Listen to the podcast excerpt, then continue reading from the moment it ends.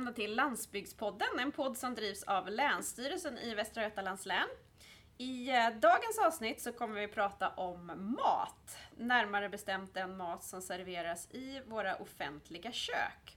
Jag heter Erika Kvarnlöf och jobbar på landsbygdsavdelningen och eh, med oss här idag är även Fredrik Fredriksson som också jobbar på landsbygdsavdelningen med miljöfrågor kopplat till lantbruket och lite grann med livsmedelsstrategin och lite annat.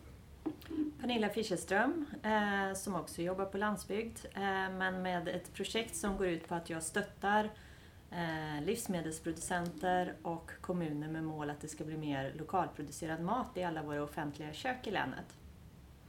Och Nathalie Torstensson som är kostchef i Lidköpings kommun. Ja, eh, vi har ju haft ett antal eh, avsnitt i den här podden och första avsnittet var, tog ju ett avstamp från ett ja, endagsmöte vi hade kring eh, myter kring landsbygden och sådär.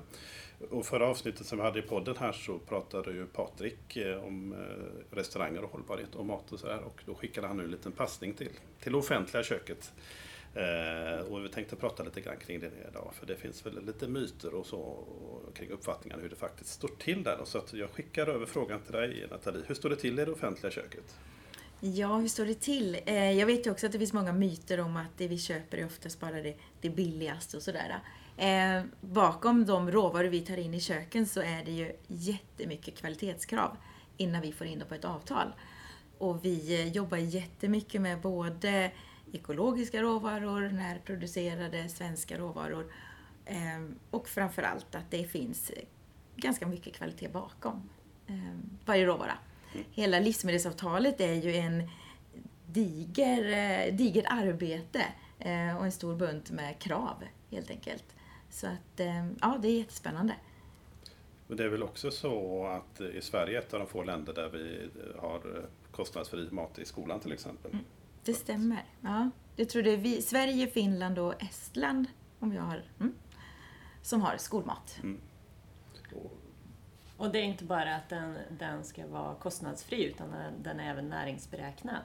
Precis. Det finns ju en skollag sedan 2011 tror jag att det ska vara näringsriktig skolmat som vi ska erbjuda i våra svenska skolor. Och det, det är ju lätt att glömma bort. Och själv så kanske man inte alltid har de bästa minnena från Bamba som jag kallar det då, mm. skolmatsalen. Eh, och den har garanterat blivit bättre än det var när jag gick i skolan. Men det har vi pratat om innan mötet, det är lätt att man, de här myterna att man själv sitter då någonstans, mm.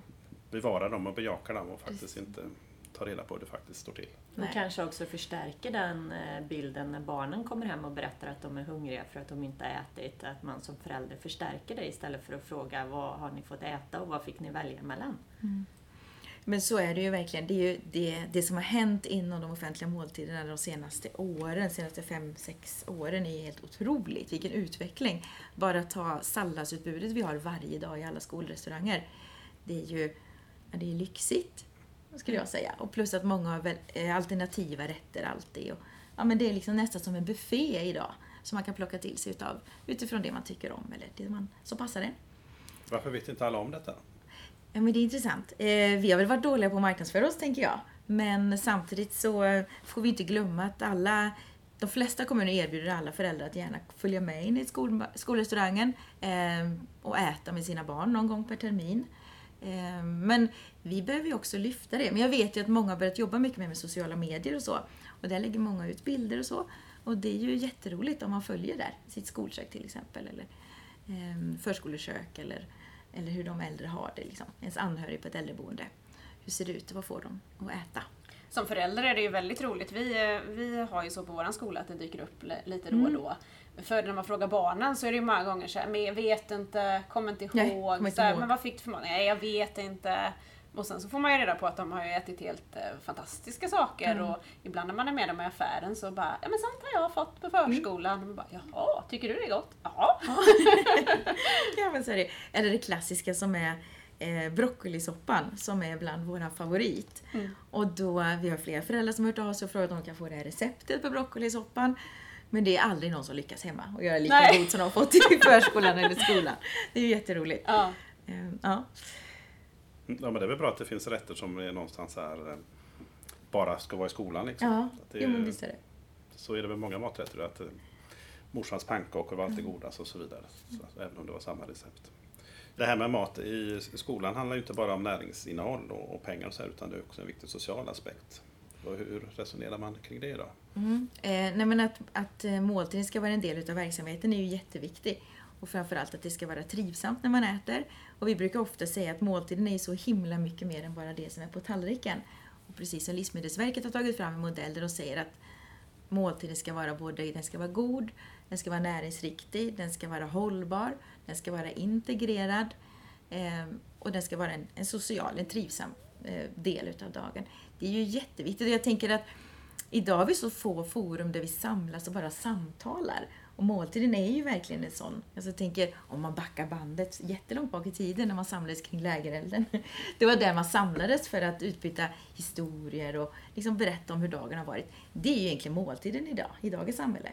Det är ju då vi samlas och utbyter idéer och historier och berättar hur vi mår och sådär. Så att just att den ska vara trivsam eller social är jättebetydelsefullt. Det är ju också många som pratar om nu att eh, eleverna inte riktigt hinner äta. Hur mm. jobbar man med det? Eh, ja, men det, är ju, det är ju viktigt att man har ett gott samarbete ihop med skolan då. Eh, det är ju de som schemalägger måltidsstunden och så. Och där finns det ju jätteduktiga schemaplanerare oftast kopplat till de olika skolorna. Och de, men där är det viktigt att man också prioriterar lunchfrågan som en viktig del, att man får just det här minst 20 minuter på sig att äta i skolans värld. Då att det kommer tillräckligt få eller tillräckligt många då så att sittplatserna täcker upp det behovet. Är det 20 minuter minst som man ska ha på sig? Ja, det är rekommendationen ja, okay. att man ska mm. ha minst 20 minuter på sig. Och Sen får man ju också kanske, för en del kan tycka att det är ingenting. Fast en del barn de kan inte sitta längre än 20 minuter. Nej. För vet, då börjar det klia i benen på dem. Så 20 minuter är en ganska så bra riktvärde att gå på tycker jag. Mm. Men hur, hur är den maktbalansen då mellan, mellan skolan och ni som står för måltiderna. För måltiden, stunden är viktig och men maten är också viktig för att man ska mm. orka med lektioner och så vidare. Finns det någon sån maktkamp mellan måltidssidan och lärarsidan? Eller? Det, det jag ser lite är ju att det är ett problem att det inte är samma chef. Alltså, kostchefen är ju mm. chef över personalen som lagar maten mm. medan rektorn är ju chefen över pedagogerna. Mm. Och det är inte alla skolor som har en eh, naturligt samarbete däremellan. Nej. Ja, men så är det ju. Och samtidigt så kan jag tycka att eh, det, det är faktiskt upp till varje kostansvarig i kommunen att också visa på varför är det viktigt att vi planerar in måltiderna så att de får tillräckligt med tid och att alla hinner äta. Så vi har ju ett eget litet ansvar tänker jag, som kostansvariga. Men, men det är ju så, har man inte det samspelet så är, då blir det ju svårt. Alltså det är viktigt att måltiden får ta den att man prioriterar att den måste ligga någon gång efter elva fram till vad det nu kan vara och alla måste få plats och alla måste få tillräckligt med tid att äta. Och har inte eleverna ätit så orkar de ju inte med lektionerna Nej, heller. Rent krasst så är det ju så. Alltså har vi inte, har, får vi inte i oss mat i mitten på dagen så men då, kan vi, då är det ingen idé att vi har lektioner efter egentligen. Det är ju... Men det kanske är så att kostchefen och rektorn ska äta lunch oftare tillsammans? Ja, precis. Det kan, kan vara kan bra. Kan de prata om det sen? De... Det är något ja. som de också gör. ja, men det kan ja. det vara. Men jag tycker faktiskt att det är roligt för vi, om jag nu ska gå till min egen kommun så är det så att vi har eh, i år startat upp ett projekt ihop med Barn och skola där vi ska tillsammans titta på de här olika delarna kring måltiderna just för att vi ska kunna ha hållbara måltider som vi gärna vill prata att vi har i våra kommuner eller att vi jobbar för hållbara måltider som är både hållbara för miljön men framförallt för människan. Då. Och då är det ju alla de här delarna som är så viktiga och då måste vi samarbeta. Hur får ni in det? För, för det är ju så att de sista fem åren kanske så det här med, med vår matkonsumtion diskussionen kring det har eskalerat mm. och allt fler engagerade och så här. Och då har ni ju en viktig roll i pedagogiken i skolan också. Mm. Att, att vad som serveras, det kan man ju också ha lektioner kring ja, under absolut. övriga dagar så att säga. Ja. Jobbar ni så också? Att ja. man någonstans tar in? Ja, och det, det har vi precis ganska nyss börjat med att jobba med. Och det här projektet är ju en del utav det då, att vi ska bli ännu bättre på att hitta den, eh, de pedagogiska verktygen för att också lyfta måltiderna.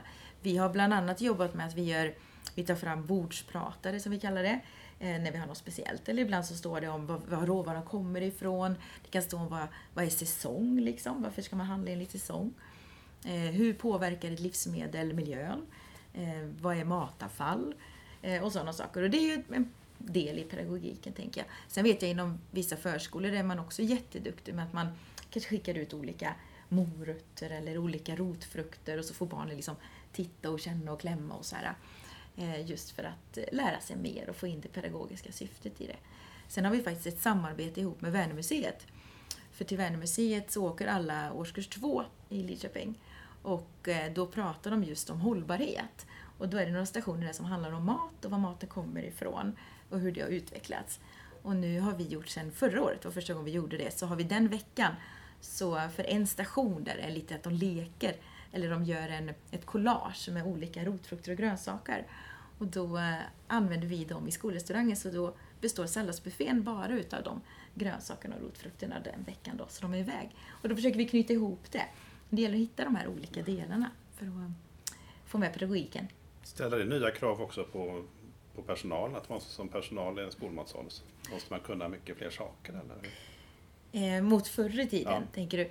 Eh, ja, alltså det, att var, jobba i en skolrestaurang eller i ett förskolekök eh, eller inom äldreomsorgen, det är väldigt mycket att vara social. Mm. För det är ett otroligt socialt jobb. Eh, man måste se gästen hela tiden. Så det är ingen, det är ingen det är ju inte verksamhet där man går och gömmer sig i ett kök och lagar mat. Utan det, Sådana har man nog sett, ska ja, säga. Men, men det, och det tror jag att det har utvecklats. Och man och det är så himla viktigt också att sälja in det där, att få barnen att våga smaka. Man har ett jätteansvar när man står där och har lagat maten och ska presentera den här nya maträtten kanske. Att ja, våga smaka lite. Och ibland så kan vi köra med såna här smakskedar. För då känns det inte så farligt. Då tar jag bara en liten sked och så smakar jag lite. Så ja, kanske jag vågar. Smaka lite till eller lägger det på min tallrik. Jag är inte tvungen. Jag Nej. kanske vågar testa.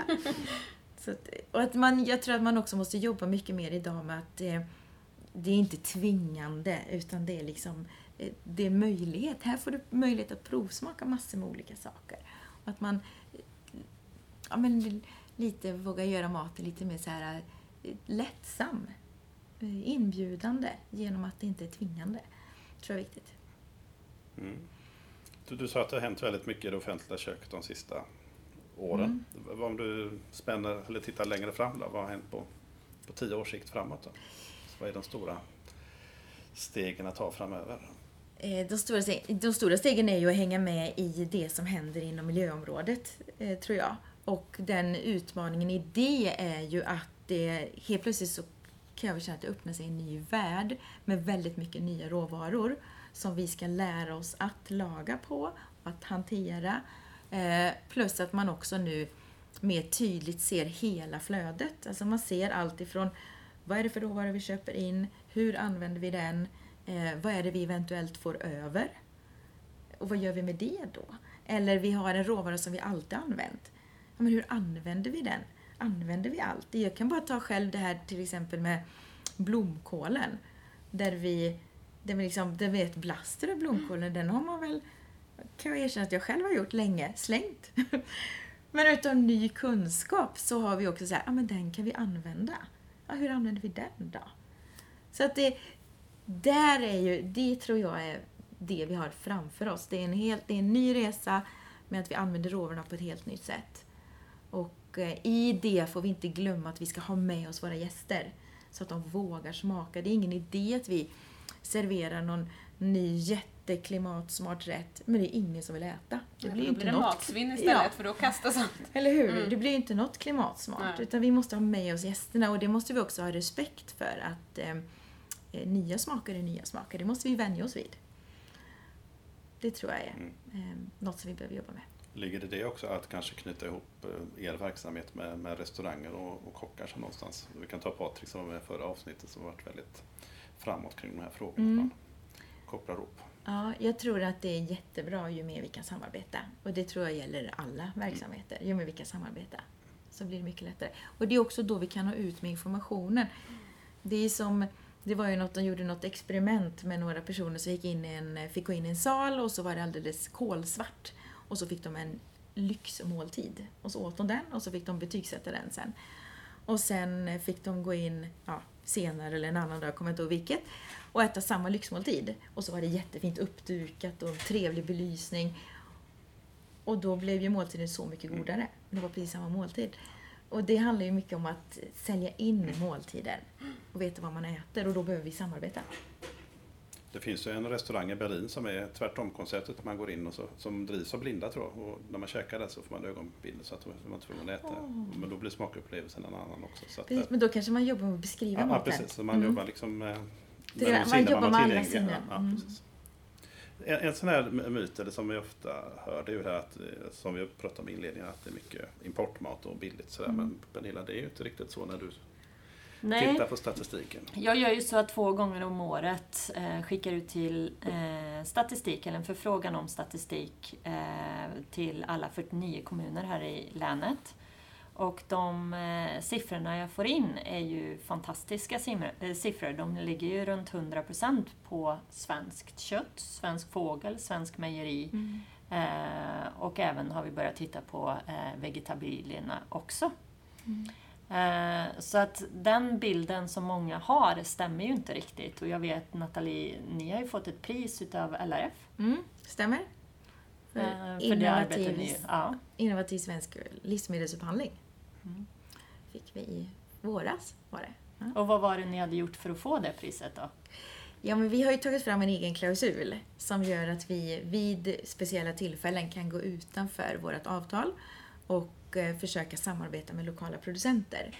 Och den här har vi jobbat ganska intensivt med och har gjort flera lokala inslag.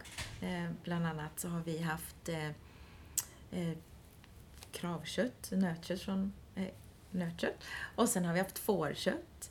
Mm. och sen har vi fläskkött på utegrisar ifrån närområdet. Och, och sen Bramleys äpplen, hur gjorde ni med det? Ja, precis. Och där fick vi tag i att vi kunde köpa äpplen från Bramleys och då när vi var på besök där och träffade honom och pratade om hans eh, odlingar och så, så eh, gör ju han smaksatt eh, juice på, eller must, förlåt mig, must. Och då använder han eh, bär. Och då blir det ett bärspill av de här bären, för han använder vi bara saften. Och då frågade vi om vi kunde få ta bärspillet och koka eh, sylt på. Så det gör vi. Så ja, det blir lite win-win där ja. mm, tillsammans. Det är roligt. Nej men det handlar mycket om att våga tänka lite nytt och det tänker jag är ju en utmaning för oss inom offentlig sektor. Att vi inte, jag brukar säga att vi får inte gömma oss bakom lagen utan vi ska se lagen som en, ett sätt att eh, så här ska vi jobba men vad finns det för möjligheter med den och ha den ändå i ryggen. Och det tycker jag eh, vi kan bli ännu bättre på tror jag. Mm. Våga tänka nya vägar. Men eh, den vanligaste frågan jag får när jag är ute i eh, eh, olika kommuner är eh, vad finns det för lokala producenter? Mm. För att eh, många utav eh, kostchefer och upphandlare eh, de har ju inte kontakten med de lokala Nej. producenterna och rör sig inte riktigt i de eh, kanalerna heller. Nej. Att det är inte så lätt. och där för många producenter har ingen aning om vem, ens var, hur ska jag kunna sälja och vem ska man kontakta och mm. vad, vad säger du om det? Ska man kontakta dig eller upphandlaren eller? Nej, men, och vi har gjort så inför, vi gör ju ett nytt avtal vart fjärde år eh, och då brukar vi faktiskt, vi har bjudit in lokala producenter just för att eh, presentera hur gör man då om jag vill vara med här? Hur går jag tillväga? Och då är det Upphandlingsmyndigheten som har haft hand om det. Mm. Upphandlingsenheten som har haft hand om det. Och eh, ja, men talar om hur man gör. Liksom. Vad är det som krävs? Vad är det för dokument? Och hur går jag tillväga? Vad är det, via vilket system? Och det är jättevärdefullt att man kan få den hjälpen. Mm. Men är det så att varje kommun gör sin upphandling eller är flera kommuner ihop ibland för det? Det är ju väldigt olika inför varje upphandling man gör så tar man ju ställning om man ska göra det ihop med sina samarbetskommuner mm. eller om man väljer att göra det själv. Och ni har ju också eh, olika samarbeten med de eh, närliggande mm. kommunerna men det är inte alltid ni gör alla upphandlingar Nej, ihop med precis. dem heller. det är lite olika. Det är lite, ja, precis. Vi har, eh, just nu har vi ju en livsmedelsupphandling ihop med Grästorp och Essunga. Har vi gjort då. Mm. Och där var det den lokala äggproducenten som vann ja, den upphandlingen. Precis. Och det är, jag tycker det är viktigt också att man som eh, producent vågar tänka att, att man också ställer frågan vad, vad, vad, in, vad innebär det om jag skulle bli leverantör till kommunen? Eh, vad är det som krävs? Att man vågar ställa den frågan och också vågar liksom eh, fundera på aha, hur skulle jag kunna göra? Hur skulle jag kunna tillgodose detta? För då har vi den här äggproducenten som först kanske, oj, nej vet jag inte om jag klarar av, det var så mycket papper. Eh, men sen så gick vi igenom vad det var för papper och som man ska fylla i och det var inte så krångligt. Nej. Och sen så går han in och blir liksom våran leverantör utav ägg. Det är ju jättehäftigt. Kravodlade ägg. Så att det... Mm. Men det är, väl, ja, det är väl en annan myt där att allting är så krångligt. Det, mm. det kanske inte det är möjligtvis att det första gången är det svårare man... Men dessutom tror jag också, en, en myt är att, eh, eh, att det är så krångligt. En annan är att man behöver sådana enorma mängder för att kunna leverera. Och en annan är att det är billigt. Mm. Och det tycker jag inte stämmer någon av de eh, myterna. Det är självklart ett regelverk och att man kan behöva plocka fram några eh, dokument men så eh, krävande är det inte. Nej. Nej, det är inte. Sen är det ju, man får inte glömma att vi lagar ju mat till så otroligt många. Och eh, det är klart att det är volymer och vi, vi, behöver någonstans veta att vi faktiskt får mjölken mm. den här veckan och vi vet att vi kan få hem pastan eller grönsakerna. Så är det ju för att vi får också beakta att gästen, ja de kan ta att vi kanske byter rätt på matsedeln en dag på en termin. Men det får inte hända fler gånger på grund av att vi inte fick någon leverans. Alltså, man får inte glömma bort det. Så en viss leveranssäkerhet det behöver man mm. Ha mm. Och, och, kunna se. Men det betyder ju inte att man alltid måste kunna leverera. Som till exempel om vi tar att vi hade eh, fårkött till exempel eh, i en servering. Det var ju en gång. Mm. Vi har ju inte det varje vecka. Nej. Men det tog lite tid innan den leverantören ja. hade sparat ihop tillräckliga kvantiteter. Så är det ju. Mm. Det, ju, det blir ju stora volymer, absolut. Men sen har ni också alla salladsbufféer där man kan mm. vara lite mer flexibel med mm. vad som finns. Mm. Där kan man vara mycket mer flexibel. Och där försöker vi nu att titta på om vi skulle kunna ha en höst, eh, en vecka med säsongsanpassad. Och det har inte varit helt enkelt när jag ringer runt till de lokala producenterna. Det är dock stora volymer. Eh, men jag tänker att det är också en, det var någon jag hade samtal med som också förklarade hennes del i det här då, hur, hur hon odlar, hur hon planerar och så. Och då tänker jag, ja det var ju också jättebra kunskap för mig att fundera på. Men hur, hur skulle vi kunna tänka kring det här tillsammans framöver? Och återigen, samarbete tror jag är jättebra på väldigt många sätt. För det handlar också mycket om kunskap och förstå varandras verksamheter och behov. Mm. Nu, nu jobbar, eller verkar du i en kommun som är eh, landsbygdsnära och lantbruksnära. Mm. Men om man skulle ta en annan kommun närmare, ta Borås kanske eller närheten av Göteborg. Hur, mm. Som har mycket längre till sina leverantörer. Liksom. Mm. Hur, vet du hur, hur tar de sig an den frågan? Eller blir det svårare för dem tänker du? Göteborgs stad skulle jag säga är en större utmaning för att det är så ofantligt många Nej. kök ja. som ska ha maten till Eh, och där blir det ju också direkt betydligt större eh, mängder. Mm. Eh, men annars så skulle jag säga att eh, de flesta utav våra kommuner här i länet eh, jobbar med frågan och försöker hitta lokala leverantörer och framförallt att man börjar någonstans. Mm. Det kan vara honung eller det kan vara eh, potatis mm. eller men många kommuner jobbar mycket med köttfrågan för att det, det är för många väldigt viktigt att djuren ska ha haft det bra mm. och att eh, det inte ska användas för mycket antibiotika och mm. de frågorna. Där, där är det viktigt. Men och det är ju sån branschstandard att man ställer faktiskt krav på mm. djuruppfödning mm. och förhållandena för djuren när man gör en upphandling. Mm. Så det är ju. Som motsvarar svensk lagstiftning. Ja. Nej, så det, men, men eh, jag skulle säga att de allra, allra flesta kommunerna verkligen jobbar med frågan och försöker hitta de lokala leverantörerna. Och, och, så är det ju att förutsättningarna skiftar ju beroende på var i landet vi befinner oss. Men det är ju roligt att man försöker titta här där jag är. Vad finns det för möjligheter? Vad finns det runt omkring? Mm. Mm. Hur, um, hur mycket pengar som läggs på måltider är väl ett politiskt beslut, tänker jag. Mm. Hur, har, du, har ni politiken med i detta eller får ni stånga er Nej, men... mot det hållet? Eller får ni hjälp? Eller är de... Nej, vi har en jätteintresserad politik, så det är jag tacksam för. Mm. De tycker att det här är jätteviktigt, att vi ska jobba med hållbarhet eh, och matfrågan. Att mm. den, de vill verkligen lyfta den.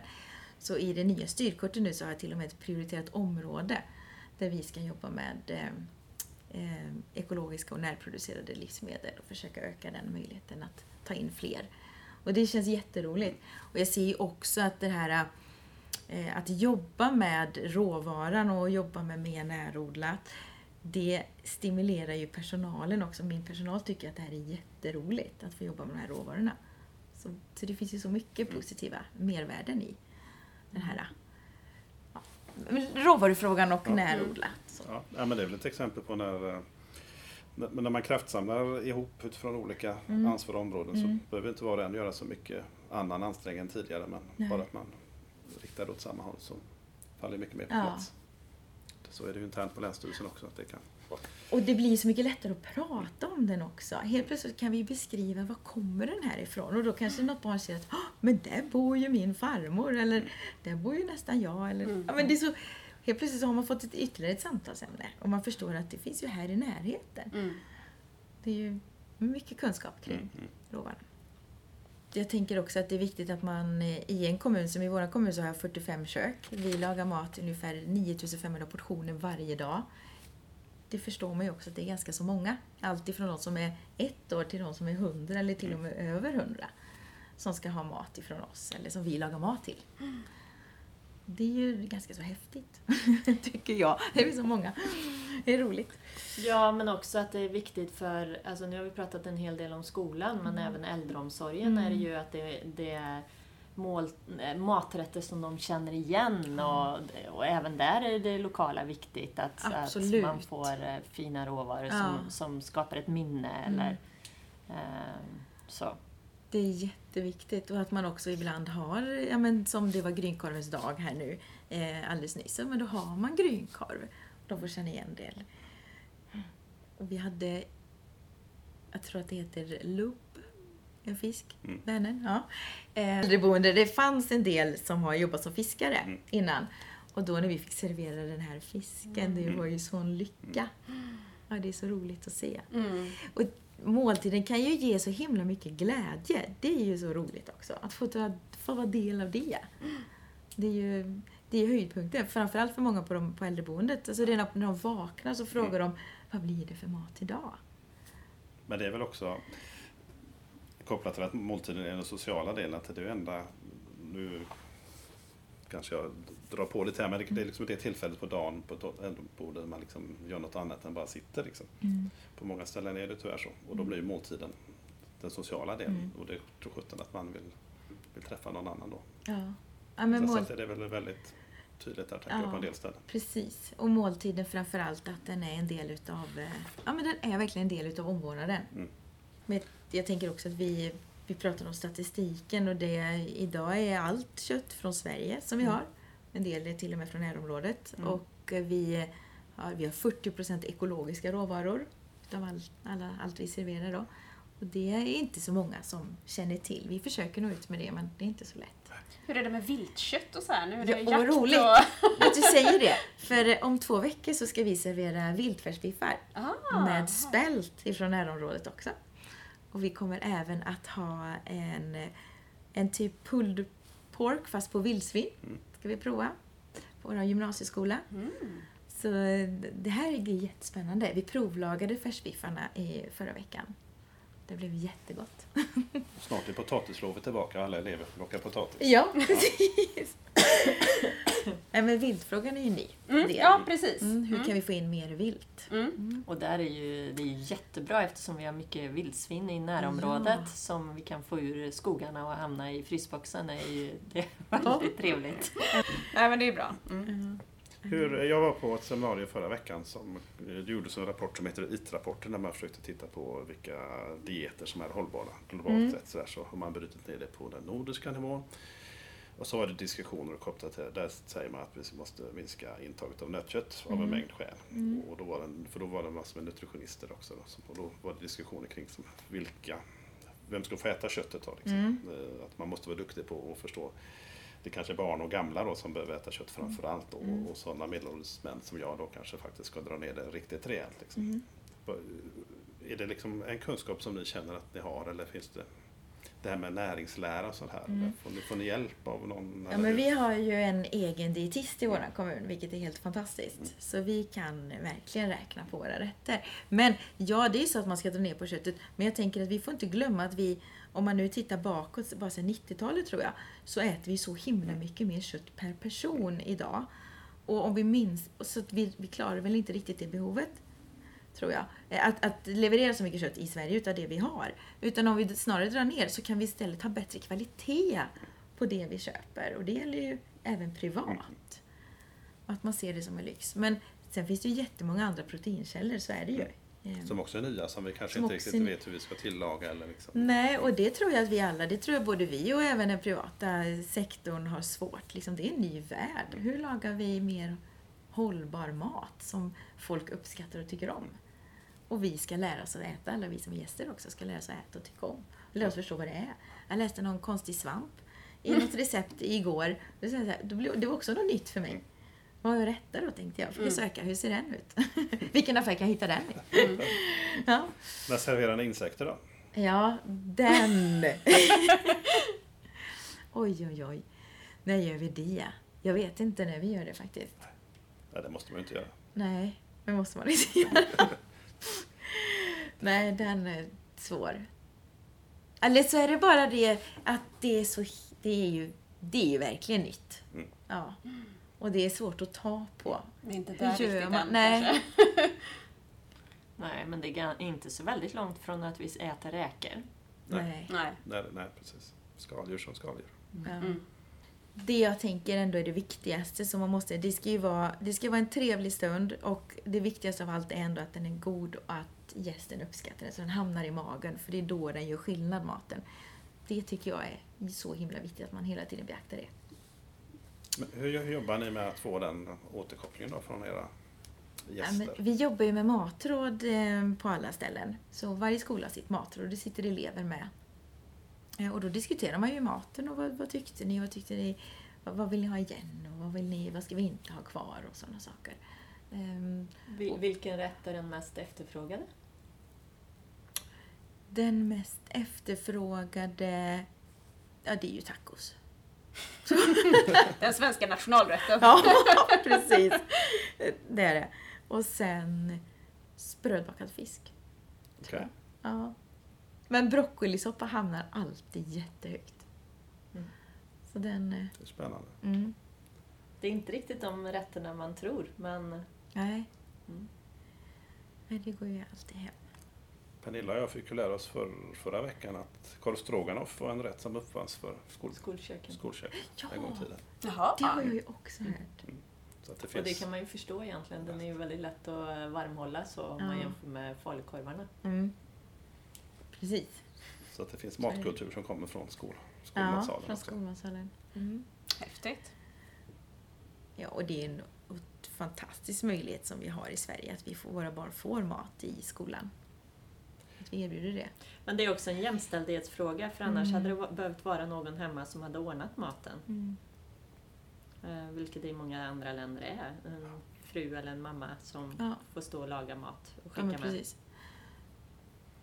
Ja, men utan den socioekonomiska synpunkten så är det jätteviktigt att alla får tillgång till bra mat. Eh, och där tycker jag det är viktigt när man är ansvarig i en kommun att man också tänker in hela kommunen. Att man inte bara väljer ut något kök som man vill satsa på utan det, alla kök är lika viktiga. Mm. Och därav blir det också stora volymer.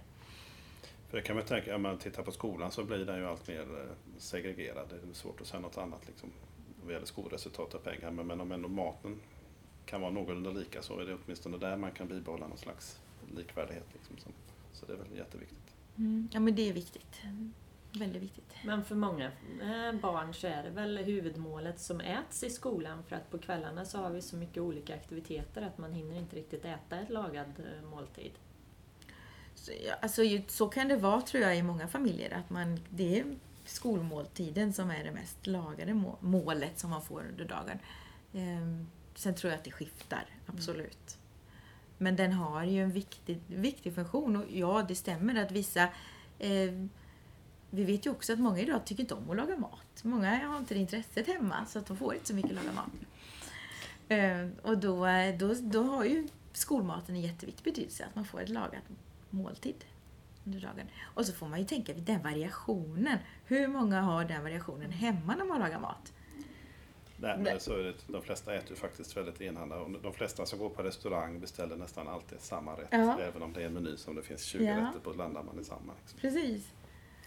Här kanske vi många som... i världen äter ju också samma mat varje dag. Majsgröt. Ja. Och det är inte länge sedan vi åt gröt och bröd och öl Nej. varenda dag också. Så att det här, det här utbudet är ju liksom väldigt unikt historiskt ja. sett. Precis. Och, och um, alltså vi, låt säga det kanske är en, en rätt, köttfärssås och spaghetti som återkommer tre gånger per mm. en termin. Annars så återkommer de inte oftare. Det är ju helt otroligt. Vilken ändå är det ganska liksom. många rätter då, eller många dagar som vi går i skolan varje ja. termin. Men skulle mm. ni inte, uh, vad är det som driver fram den här enorma mångfalden då? För rent det känns ekonomiskt och så vidare så skulle man ju tjäna på att kanske ha mindre utbud och, och återkomma oftare med maträtterna under terminen. Mm. Um, men någonstans så är det det är ju så himla många vi ska mätta varje dag och eh, alla, är, alla är sina individer och alla har sina smakpreferenser. Så vi, det behövs ändå variation för att mm. man ska hitta den här eh, känslan av att det är någonting nytt. Mm. När jag kliver in. Sitt. Ja, att alla får sitt också. Mm, absolut. Mm. Ska jag försöka knyta ihop det här Eh, jätteintressant samtal. Eh, vi, några gånger har vi landat i det här att den sociala dimensionen här med måltider, att det, är väldigt viktigt. Men det är också viktigt, alltså alla barn blir ju vuxna någon gång och mm. de som ni serverar mat till de blir ju framtidens konsumenter och mm. förhoppningsvis mm. framtidens medvetna konsumenter. Mm. Hur, hur ser ni på, på det ansvaret? Att ni också utbildar folk att ta ansvar för sina val mm. när de blir lite äldre och ja. har egna pengar. Precis. Eh, det ansvaret är egentligen också otroligt stimulerande. Att det arbetet som vi gör varje dag där ute i köken är så himla betydelsefullt. Både för hälsan och för miljön men också för ens framtida lärande av hur kan jag äta? Att jag har såna, det har ju så otroligt många mervärden. Så det är bara stimulerande. Mm. Jag tror också att barn påverkar sina föräldrar att göra rätt också. Det gör de ju absolut. Ja, mm. barnen är. Jag hoppas så är det. ja, och med de orden så tänker jag att vi eh, avslutar det här avsnittet. Vi hoppas att ni som har lyssnat har tyckt att det var ett, eh, ett spännande samtal och eh, vi hörs snart igen. Men, och det är väl så, vi har nämnt lite statistik och annat. Just det. Du kanske bara kan hinta, var, var hittar man din fina statistik? Ja, och den här statistiken som eh, jag skickar ut eh, två gånger om året, den finns på vår hemsida. Eh, och det kan vi ju naturligtvis lägga med en länk. Absolut. Så eh, gå in och titta på den här fina statistiken. Om du är intresserad av att få se eh, hur mycket din kommun köper. Exakt. Och kontentan är ju att det offentliga köket ligger mycket längre fram än vad vi kanske tror väldigt många. Mm, exakt. Det stämmer. Och har du några funderingar på hur det ser ut i ditt barns skolrestaurang så följ med ditt barn och ät en dag.